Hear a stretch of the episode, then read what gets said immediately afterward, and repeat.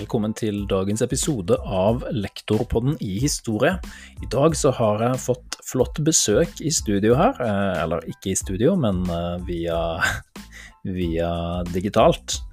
Av min tidligere elev Rami Shukri, som eh, er ekstremt god i historie. Han kan veldig, veldig mye. Og han er veldig opptatt av hvordan historie For det første hvordan det er viktig, og hvordan det påvirker oss i dag. Og hvordan du kan eh, anvende historie for å forstå mer av ditt eget liv. Så i dag så skal vi diskutere det første korstoget. For korstog, det er altså noe som ja, det engasjerer og provoserer i veldig stor grad, eh, og er et viktig tema, selv om det kanskje høres ut som det er lenge siden. Velkommen til dagens episode.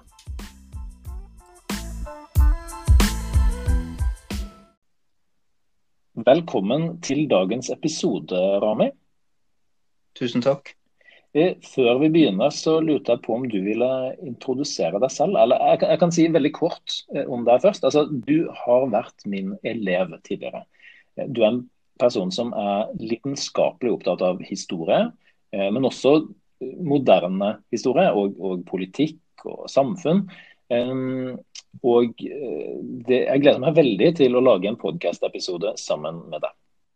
Ja, som Eirik sa, jeg er Eiriks tidligere elev, og som han sa, lidenskapelig opptatt av historie og samfunn.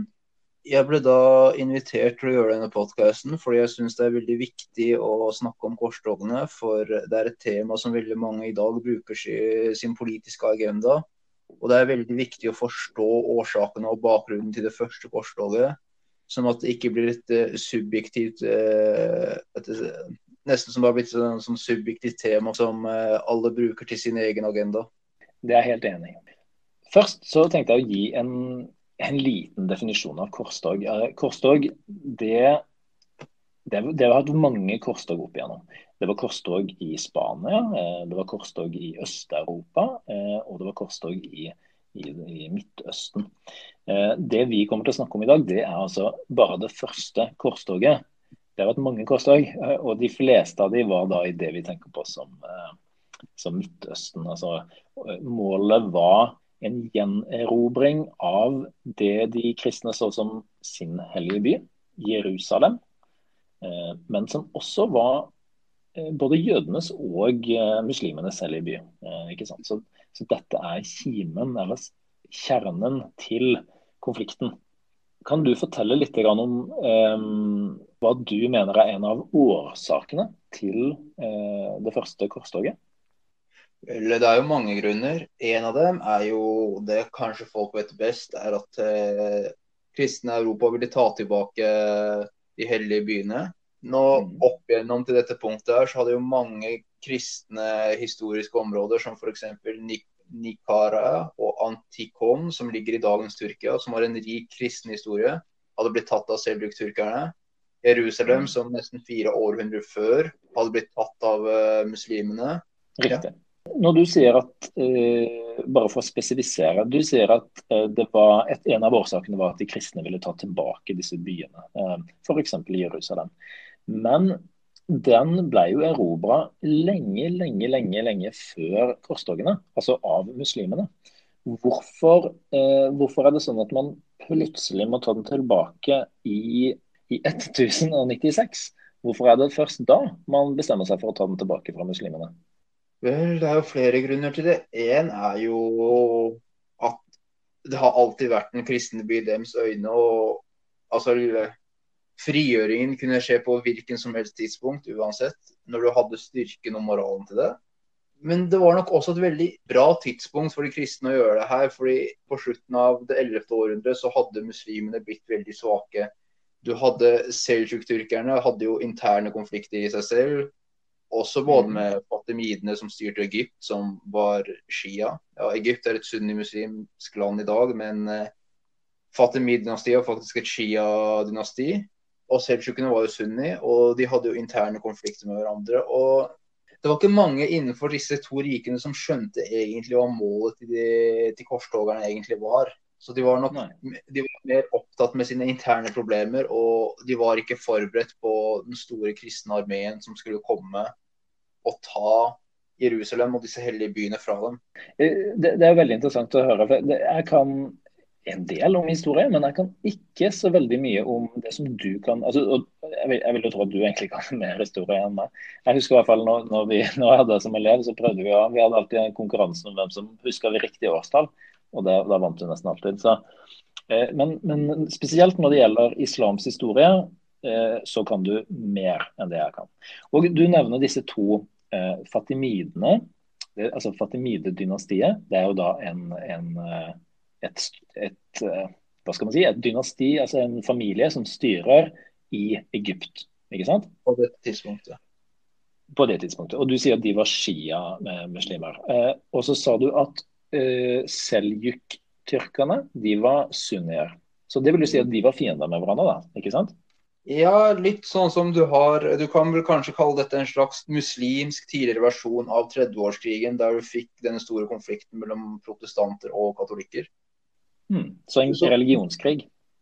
Ja, en slags religionskrig. Ikke at de direkte var i krig med hverandre, det finnes mange eksempler på det, men det her med hvilken som er den rette retningen innenfor islam.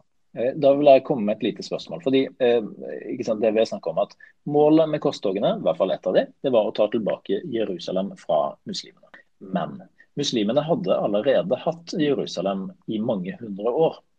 Eh, og det som jeg eh, har hørt, det er at rett før det første korstoget, så tok seljuk-tyrkerne Jerusalem fra fatimidene. Altså én muslimsk eh, makt tok, tok Jerusalem fra en annen muslimsk makt. De tok den ikke fra de kristne, for de kristne styrte ikke. Eh, men det som var forskjellen på fatimidene og selju- seljuk-tyrkerne, det var at fatimidene de var veldig eh, tolerante overfor kristne. Kristne fikk lov til å komme til Jerusalem, og de fikk lov til å eh, be, og de fikk lov til å bo der. Mens seljuk-tyrkerne de var veldig, i hvert fall i denne perioden, veldig intolerante. Og det førte til at eh, altså mange kristne ble nok eh, forfulgt, og mange ble kasta ut av Jerusalem. og Man fikk ikke lov til å reise dit lenger. Og det førte til eh, det første korstoget. Eh, eller det var en av de utløsende årsakene. Eh, stemmer det? Ja, det stemmer til en viss grad. Både ja og nei. Seldsjukene var nok ganske intolerante på slutten der, men det kan også forklares med at de hadde masse kriger med bysantinerne. Så de hadde nok De hadde jo flere kriger med kristne enn det fatimidene hadde. Kan jeg bare skyte inn da, Når du, når du sier bysantinerne, det kan nok hende at en del av mine elever ikke vet nøyaktig hvem du mener da, men det bysantinske riket, det er det man kaller for det østlige Romerriket. Det hadde sin hovedstad i Konstantinopel, eh, som den byen som i dag heter Istanbul og ligger i Tyrkia. Men det var da hovedstaden i det østromerske riket. Og eh, i veldig mye historie så blir, blir det kalt for Bysants, eller det bysantinske riket. Eller Konstantinopel. Og det gjør det både på turkisk og arabisk også.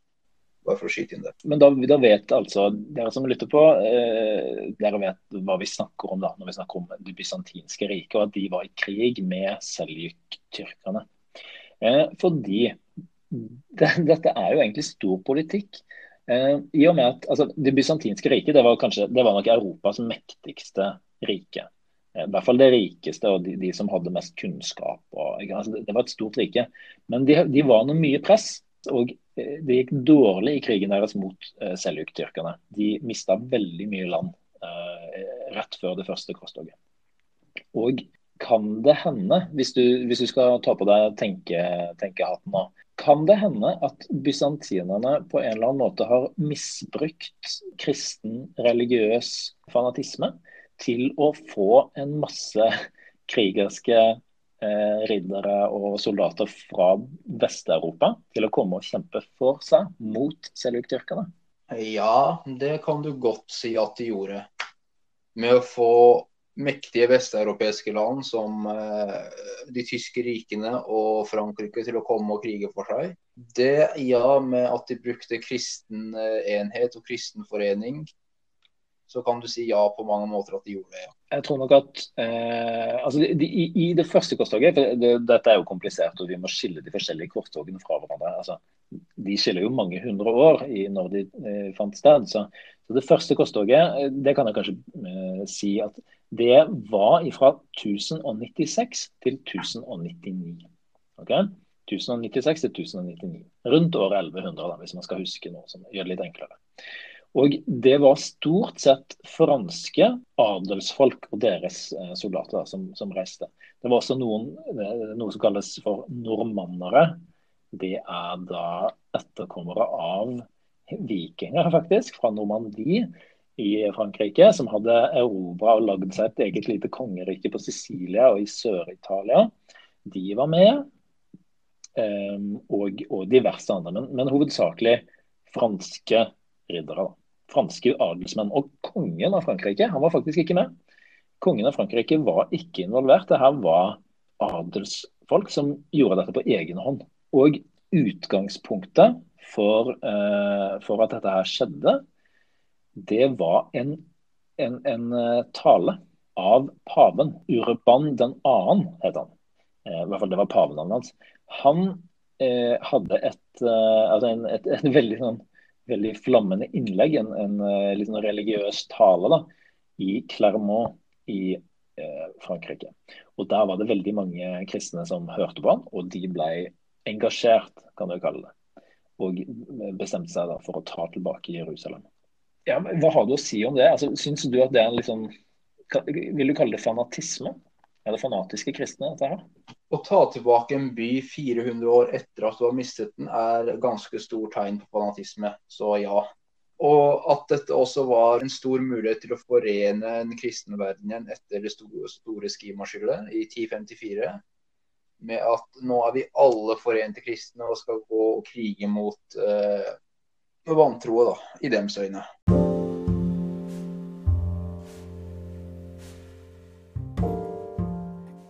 Her er det en faktaboks. I år 1054 så skjedde det som blir kalt for det store skismaet. Eh, skisma det kommer av latin, og det betyr at noe deles eller revnes, rives i to. Så Det er ganske dramatisk, og det var også dette, dette som skjedde i 1054. Eh, altså ca. 50 år før det første korstoget. Da var det en patriark som er på en måte paven i øst. Patriarken han var kirkas overhode i Konstantinopel og for hele Øst-Europa, den østlige kristendommen. Mens paven i Roma han var den religiøse lederen for det vestlige Roma og det vestlige kristne.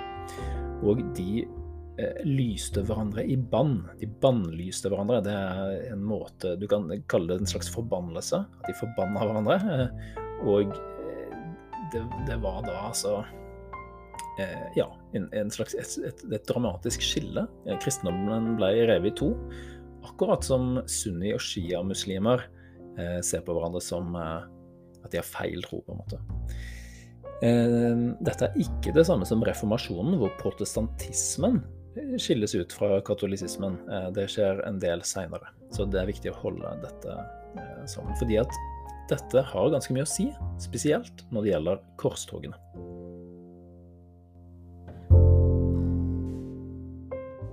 Mener du at det, for det, det, var jo ikke noe som skjedde. altså Det ble jo ikke forent igjen.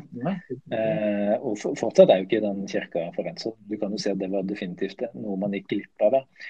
Men eh, hvordan gikk dette her, da? Altså, hvis vi tar eh, tidsmaskinen tilbake til 1096.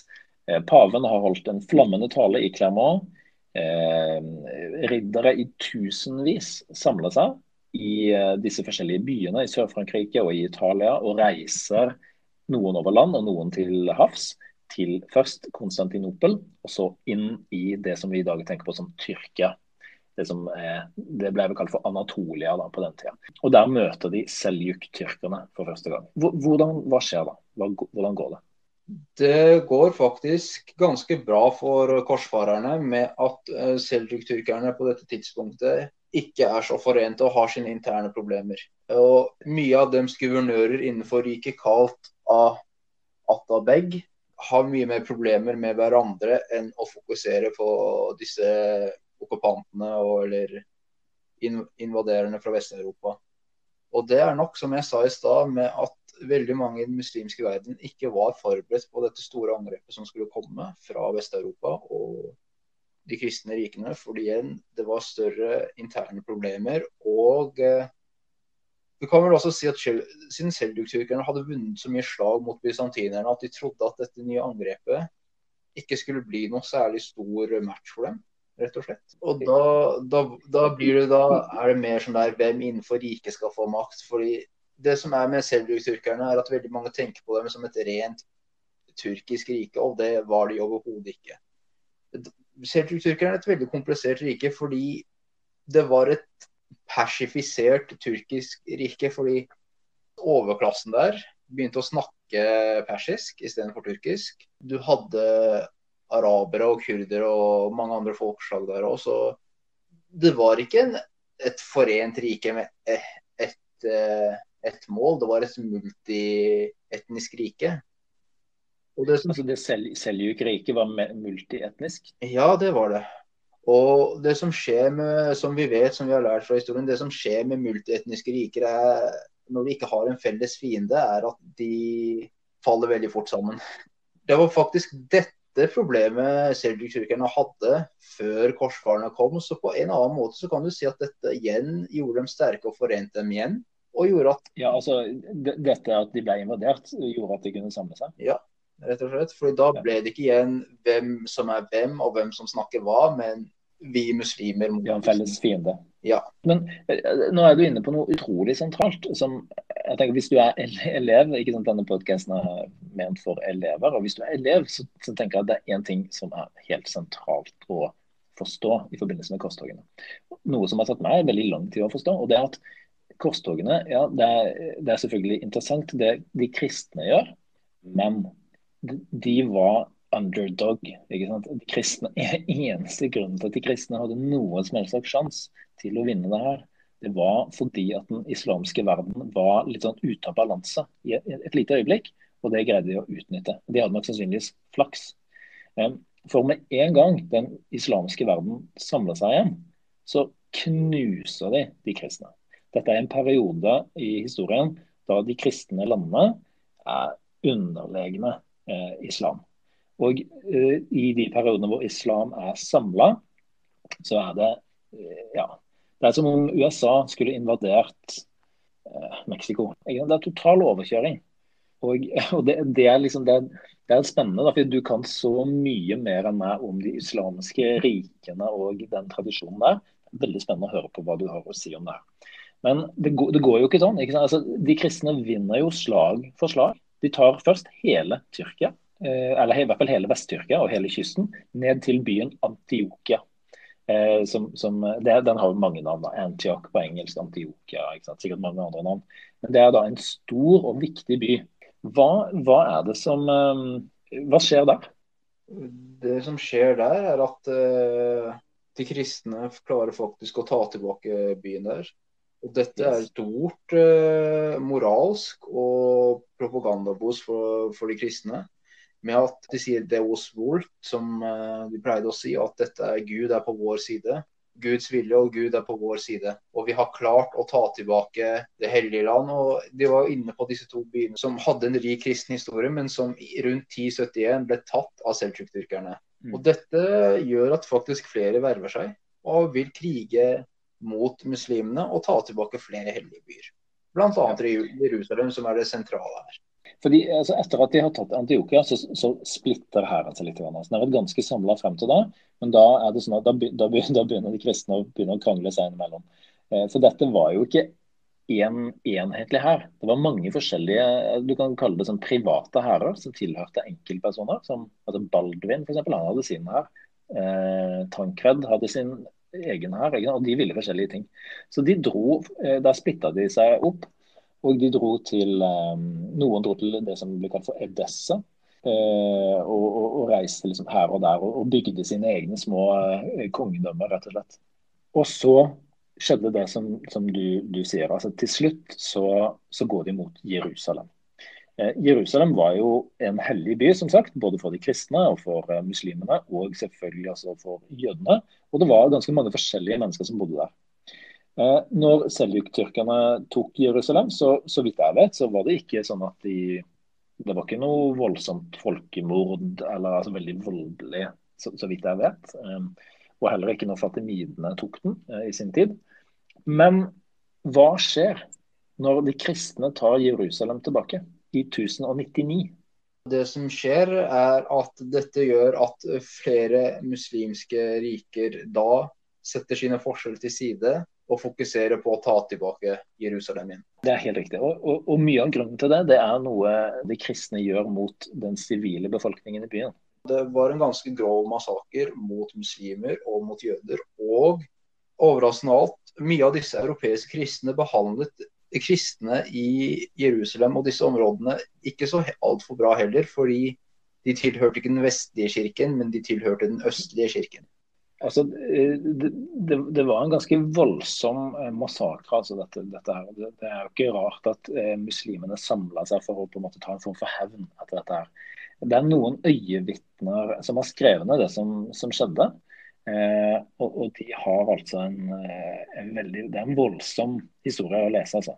Eh, blant annet så ble synagogen i Jerusalem brent ned med mange mange jøder som, og sikkert andre også, som gjemte seg inne i bygget.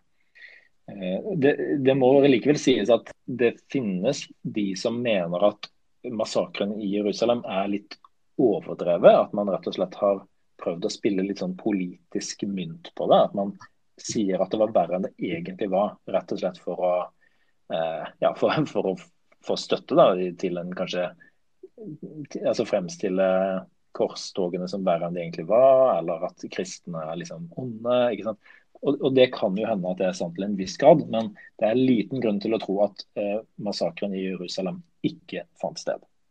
Altså, det er ganske store indiser og bevis på at den fant sted, og at eh, mange av disse kristne krigerne var ganske nådeløse når de tok byen. De skulle kanskje purifisere den og gjøre den ren igjen for eh, den kristne ånden og det kristne sine. Det er nok derfor uh, synagogen ble brent ned, fordi jødene drepte Jesus. Det var nok også fordi veldig mange muslimer ble drept fordi ja, vantroe. Og det var nok også derfor de østlige kristne ble dårlig behandla, fordi de ja, ikke tilhører vår kirke. Så mm, dette var dette gikk faktisk ikke helt etter planen til pave Orban og andre som også ville forene kirkene, men dette splittet faktisk den østlige og vestlige kirken mer i årene som skulle mm. komme. Og vi ser jo effekten av det til den dag i dag. Jeg lurte på om Vi kunne snakke litt om altså vi, vi har snakket om litt, litt sånn kort i altså årsakene til korstoget. Det var sant, paven. Paven var en utløsende årsak. I tillegg så har vi konflikten som ligger mellom eh, det bysantinske riket og seljuktyrkerne seljuk-tyrkerne. Og det faktum at man, eh, man slo hardt ned på kristne i Jerusalem. Det er forskjellige årsaker. Det kan være flere også, selvfølgelig. Eh, og så har vi snakka litt om hva som skjer. Eh, jo, det er jo veldig mange, altså mange slag og mange byer som tas, og til slutt så, så vinner faktisk de kristne. Eh, de greier å ta Jerusalem, og de greier å beholde det lenge. Men grunnen til det er nok ikke fordi at de kristne var så veldig samla, for det var de ikke. De kjempa jo nesten mot hverandre til tider. Um, og de var heller ikke overlegne i noe særlig grad, militært eller teknisk. Men den muslimske verden var splitta. De, de, var svake, og de, de krangla på en måte med hverandre.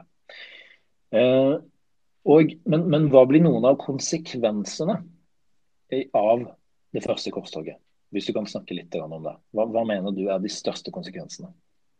Største, de største konsekvensene er én, som jeg sa, gjør at den muslimske verden forener seg mer.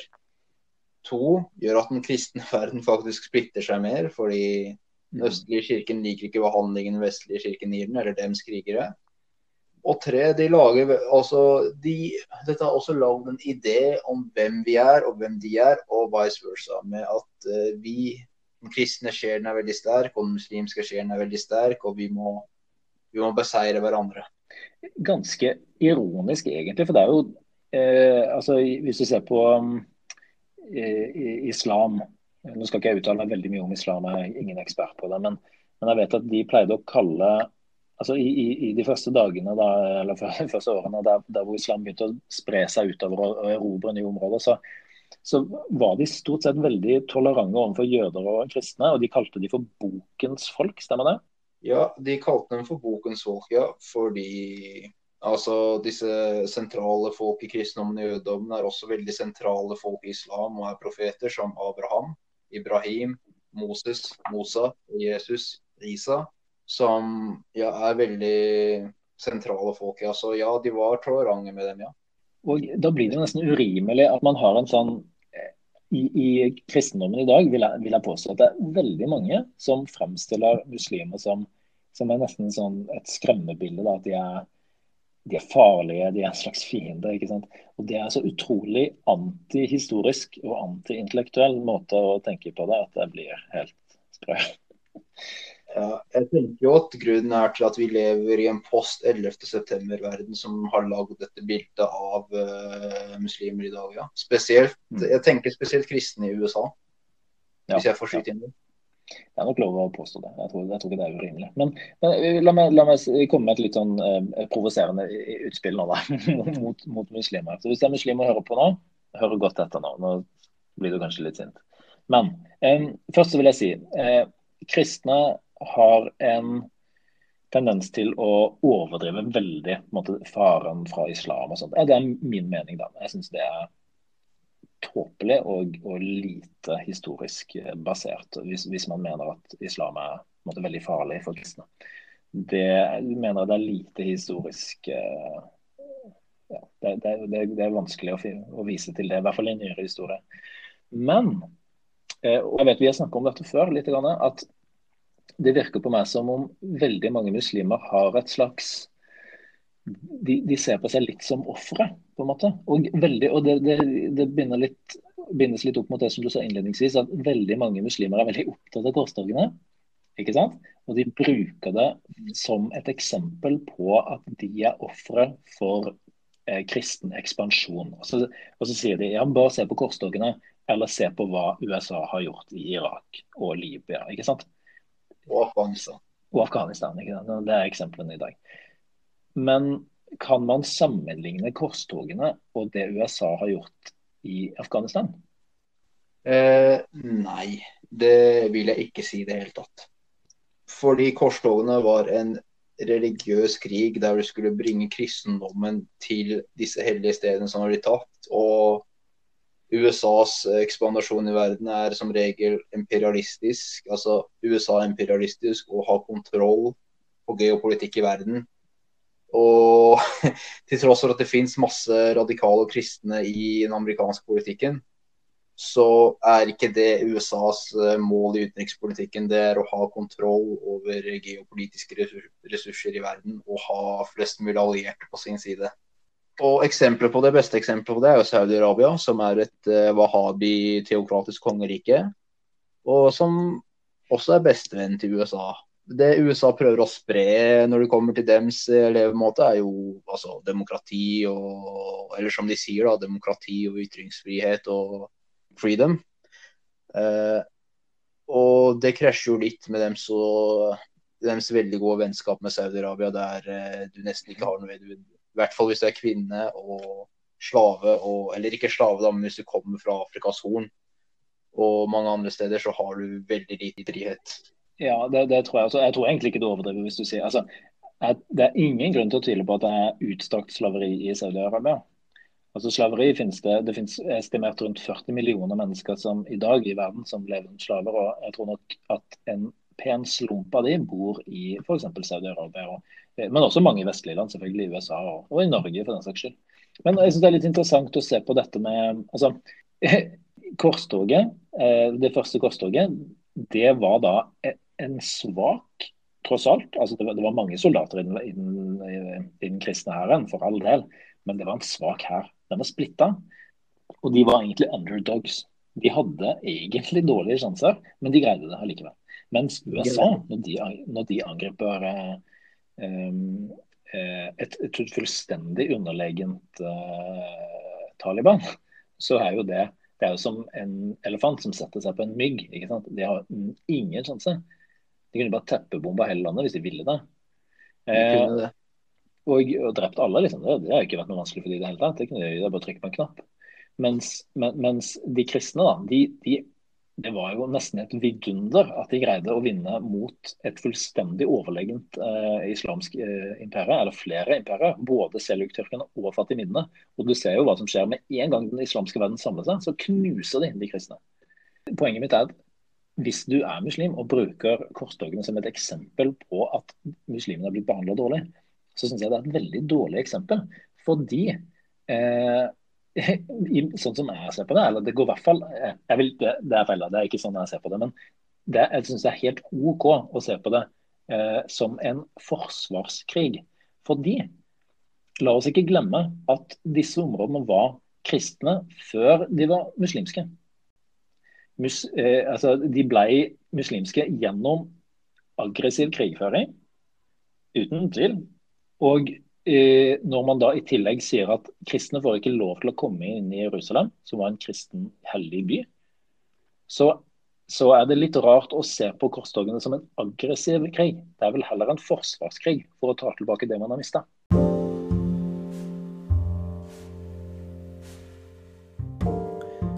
Nå, eh, dette er et veldig godt eksempel på at man må være forsiktig med hva man sier. For i ettertid så har jeg innsett at eh, utsagnet mitt her, det er rett og slett litt problematisk. Um, det å si at korstogene kan ses på som en forsvarskrig, det er ikke Og det, det sier jeg også, da. Det er ikke noe jeg mener. Men, men er, man må passe seg litt for å si det, fordi det er den typen retorikk som blir brukt av typ nynazister og sånne ting. Og det er jeg ikke. Så eh, det er viktig å si. Samtidig så er det så, så, er det viktig å, å løfte blikket litt, som man sier. Fra et um, østlig kristent synspunkt, f.eks. bysantinerne, som var i konstant krig med seljuk-tyrkerne, de så definitivt på dette som en forsvarskrig. Men de fikk jo da altså de, de misbrukte på en måte eh, de franske ridderne og deres soldater til å kjempe for seg. Eh, for de franske eh, soldatene så, det, så er det vanskelig å unngå å tenke på dette som en en aggressiv krig, men, men, de ville nok ikke sagt det. De ville nok sagt at de forsvarer kristne i det hellige land, ikke sant. Eh, og selvfølgelig, hvis du går seks, nei, ja, altså 400 år tilbake, så var jo Jerusalem og disse områdene de var kristne. Eh, de, som, de, som, tok de da, da, da, da var det jo da var det i hvert fall en, snakk om at en måte islam var den aggressive part. Men sånn vil det alltid være i historien. Eh, altså Sånne endringer som skjer gjennom krig, det, det vil alltid altså, det, det, er problematisk. ikke sant? Så, så, det som er viktig, er å tenke på at man ikke skal bruke argumentasjon fra middelalderen til å forklare hvorfor man gjør noe nå. Det blir feil, og det er viktig å unngå. Og eh, dette med en slags sånn offermentalitet, som både eh, kristne har, Eh, f.eks. nynazister ikke sant, som sier at uh, utlendinger kommer og tar jobben vår. Og, ikke sant? Det, er, det er en offermentalitet.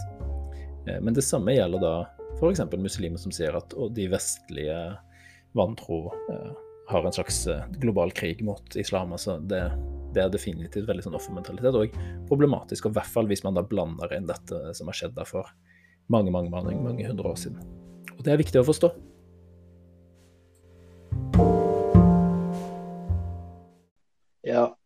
Jeg kan si at jeg er enig i det med at det begynte som en forsvarskrig, men i senere tid ble, ble litt offensiv mot ja. uh, muslimer. Jeg har ingen tvil om at det er et veldig, veldig fiendebilde av muslimer. For all del, absolutt. I hvert fall hvis man bruker eh, korstog i dag eh, som, som sant, korstog mot Irak eller korstog mot muslimer. Da er det et veldig belasta uttrykk. altså. Ja, Du var inne på det i stad med at mange muslimer bruker korstogene altså, for, å, for, å, se seg selv som et offer. Men kan det også være enig at veldig mange fanatiske kristne også bruker det for å rettferdiggjøre mye av det de gjør også? Hvis for eksempel, som f.eks. mange av disse fanatiske kristne i USA som støtter Irak-krigen og støtter Afghanistan-krigen og, og støtter Israels og Vestens fulle støtte til Israel. Det, det, vil jeg si. og Da tror jeg de blander mange ting sammen. Jeg tror de blander inn eh, religiøs tro. At de tenker at f.eks. at Gud støtter USA, Og siden USA er demokratiske, så støtter Gud også demokrati. han er en demokrat, ikke sant? Helst, eller republikaner, kanskje. Og han eh, vil helst at, at eh, muslimer skal bli demokratiske og eh, gå med amerikanske flagg på T-skjortene sine. Og Hvis de ikke gjør det, så må de dø. Um, det tror jeg kanskje mange høyrevridde kristne i USA tror. Nå setter jeg det litt på spissen, da. Men altså, jeg tror at mange de blander inn religion. De blander religion og politikk. Og de blander sammen et veldig gammelt uttrykk eh, med moderne politikk. Og, og, det er jo selvfølgelig problematisk. Du kan vel si at en god del høyrevridde folk i Europa også gjør det? Absolutt. Jeg tror nok ikke at, jeg, at, at du, ikke du, skal lete så lenge før du finner folk som mener f.eks. at Hitlers krig mot Sovjetunionen var et slags korstog der hvor eh, hvit, eh, hvit, helst kristen og definitivt eh, vestlig kultur kunne liksom seire mot eh, det som var fienden på den tiden. Ja, ikke sant? Bolsjevikene, jødene, eh, slavene Eh, og helst gjerne også muslimene. Hvis de hadde kommet langt nok, så tror jeg ikke de hadde hatt noen problem med det. Altså selv, selv, om faktisk mange muslimer jo støtta eh, nazistene. Da. Men, men, det har ingenting med det ingenting med nazismen å gjøre. Det har vel heller med det å gjøre at nazistene kjempa mot eh, britene, og britene var kolonimakt i, i Egypt. Ja, og de hadde jo land, land, som Egypt og India, ja. der det bodde mange muslimer. Han kalte jo også invasjonen av Sovjetunionen for Operasjon Barbarossa. Og Barbarossa er jo en sentral figur i korstogene. Helt riktig. Barbarossa var jo en, en tysk keiser. Eh, og det betyr, Han hadde rødt skjegg, og Barbarossa betyr rød skjegg. Så, eh, så han, eh, han leda en kjempestor hær. Det var vel i det tredje korstoget, tror jeg ca. 100 år etter det første. Og han kom frem til Det hellige land, og så drukna han mest sannsynlig som følge av at han fikk et hjerteinfarkt mens han var eh, han, han bada i ei elv som het Salef, eller et eller annet sånt, i, i, i, uh, i Midtøsten. Eller at uh, Gud tok knekken på han. Det Eventuelt. Det kan ha vært Gud også som, som rett og slett uh, tok knekken på Det er mulig. Yes. Ja, men Kjempefint. Vil, vil du oppsummere um, episoden i dag? Hva har vi snakka om? Vi har snakka om det første korstoget, og så har vi snakket om offermentalitet hos kristne og muslimer, og rettferdiggjøring av hva man gjør pga. korstogene. Hvis du kan snakke direkte til elevene mine, hvorfor bør de være opptatt av dette? De burde være opptatt av dette med at uh, at man må skjønne sin fortid for å, for å lage en bedre framtid. Altså, du må lære av fortiden, gjøre framtiden bedre. Og at uh, Altså, den offermentaliteten som uh, veldig mange muslimer har, spesielt fanatikere, også som kristne også har, det er ikke noe bra å ha. Fordi dette er også en teknikk veldig mange antimuslimer bruker mot muslimer, er at man sier det eneste muslimer gjør eller klarer, er å være ofre. Så mm. hvorfor skulle vi ta dem seriøst, eller hvorfor skulle vi ta når de sier urett har blitt gjort mot dem, seriøst? Fordi de vil ja. jo bare være ofre. Ikke sant? Det... Eller motsatt. Eh, altså, hvis, man er, hvis, man prøver å si, si, Hvis man er en terrorist da, og ønsker å rekruttere folk til terror, så er det jo veldig enkelt å få folk til å bli terrorister hvis de føler at de er blitt dårlig behandla. Det er det. Og det er akkurat disse teknikkene terrorgrupper som Al Qaida, eller Al Qaida på arabisk, eller IS bruker eh, for å rekruttere nye folk, det er jo at de sier det er en global krig mot islam. Det er dems eh, Det er litt sånn som nazistene. Nazistene brydde seg ikke så mye om hva som var bullshit eller ikke. Ikke sant. Nei, de skapte sin og, egen virkelighet. Ja. Ja, og det gjør, det gjør de her òg. Eller at de sier at kofar, altså de vantro, aldri kommer til å akseptere deg uansett. Det er bare De går med maske, det er ljug, de snakker dritt om deg bak ryggen din. Tror du virkelig de snakker bra om deg når du ikke er der? Dette er jo veldig, veldig bra rekrutteringsmetoder. Ja, men Det er kjempefint. så eh, det, det, tenker jeg er viktig. da. Eh, hvis du er min elev, hør på det Rami sier nå. Det er meget fint. Da har ikke jeg noe mer jeg skulle ha sagt. Du, har du noen siste ting du brenner inne med, noe du vil si? Vel, hvis vi skal ta Jerusalem, hvorfor dette er en så veldig viktig by i islamsk uh, historie. Du vet, uh, jeg, jeg, går ikke ut fra at du skjønner, skjønner hva ordet qibla betyr, Eirik. Det har du helt rett i. Ordet qibla er et arabisk ord som innen islam refererer til en retning man skal snu seg mot når man ber. Ok. Og som du sikkert vet, Eirik, de fleste som ber i islam, de snur seg mot Mekka. Det stemmer. Ja. Mm. Mens på profetens tid, når han levde, sallallahu alaihi wasallam, så var qiblaen mot Jerusalem. OK. Ja, det har jeg aldri hørt før. Nei, men man pleide, be, man pleide å snu seg mot Jerusalem på profetens tid. Og Jerusalem er det tredje mest helligste stedet i islam. Du har Mekka, som er det helligste. Du har Medina, Mm. og så kommer Jerusalem. Så Jerusalem er topp tre. Riktig. Og i islamsk historie, profeten sallallahu alaihi wasallam, han dro opp til himmelen fra Jerusalem, fra der hvor eh, Al-Aqsa-moskeen står. Så dette er, denne byen er veldig, veldig sentral i islamsk historie. Da må det være rimelig kjipt, da, eh, i og med at Israel, som jo ikke har en veldig høy stjerne i mange muslimske land, at de Nei. på en måte kontrollerer eh, Jerusalem, annet. Nei. Det er veldig, veldig, veldig kjipt for mange muslimer. Ja, rett og slett. Til tross for at en del muslimske land nå har valgt å slutte fred med dem. Og det siste nå er jo Marokko. Ja. Det er kanskje like greit, da, for de er jo rimelig eh, hissige på avtrekkeren. Eh, Israel. Ja, de er det. Ehm, med god grunn, kanskje, til en viss grad i hvert fall, men likevel eh, definitivt problematisk. Eh, men det er ikke tema for dagens episode. Dagens episode har altså vært korstogene, det første korstoget. Eh, og jeg håper at du som hører på, kan litt mer om korstoget nå. Eh, Er det noen siste ting du vil si før vi avslutter? Nei, ikke egentlig. Jeg ser fram til neste episode. Ja, det gjør jeg også. Det blir spennende å se hva det blir. Så tusen takk for at du var med, Rami. Veldig spennende å ha deg med. Kjempefine innspill. Jeg håper at du Takk for at du eh, kom. er fornøyd. Ja. Da snakkes vi i neste episode. Ha det bra. Ha det bra.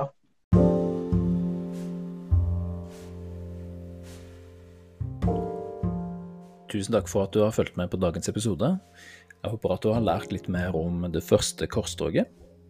eh, Og at du har lært at eh, det er viktig å vite litt om hva som blir sagt om det som har skjedd før. Spesielt når det skal brukes da, inn i politikk og inn i religion, og man begynner å blande sammen disse elementene. Det er potensielt litt farlig. Folk Folk misbruker det i dag, både på høyresida og venstresida av politikken, og alle slags forskjellige religioner. Så vær litt forsiktig med hva du tror på, og gjør opp din egen mening. Ses i neste episode.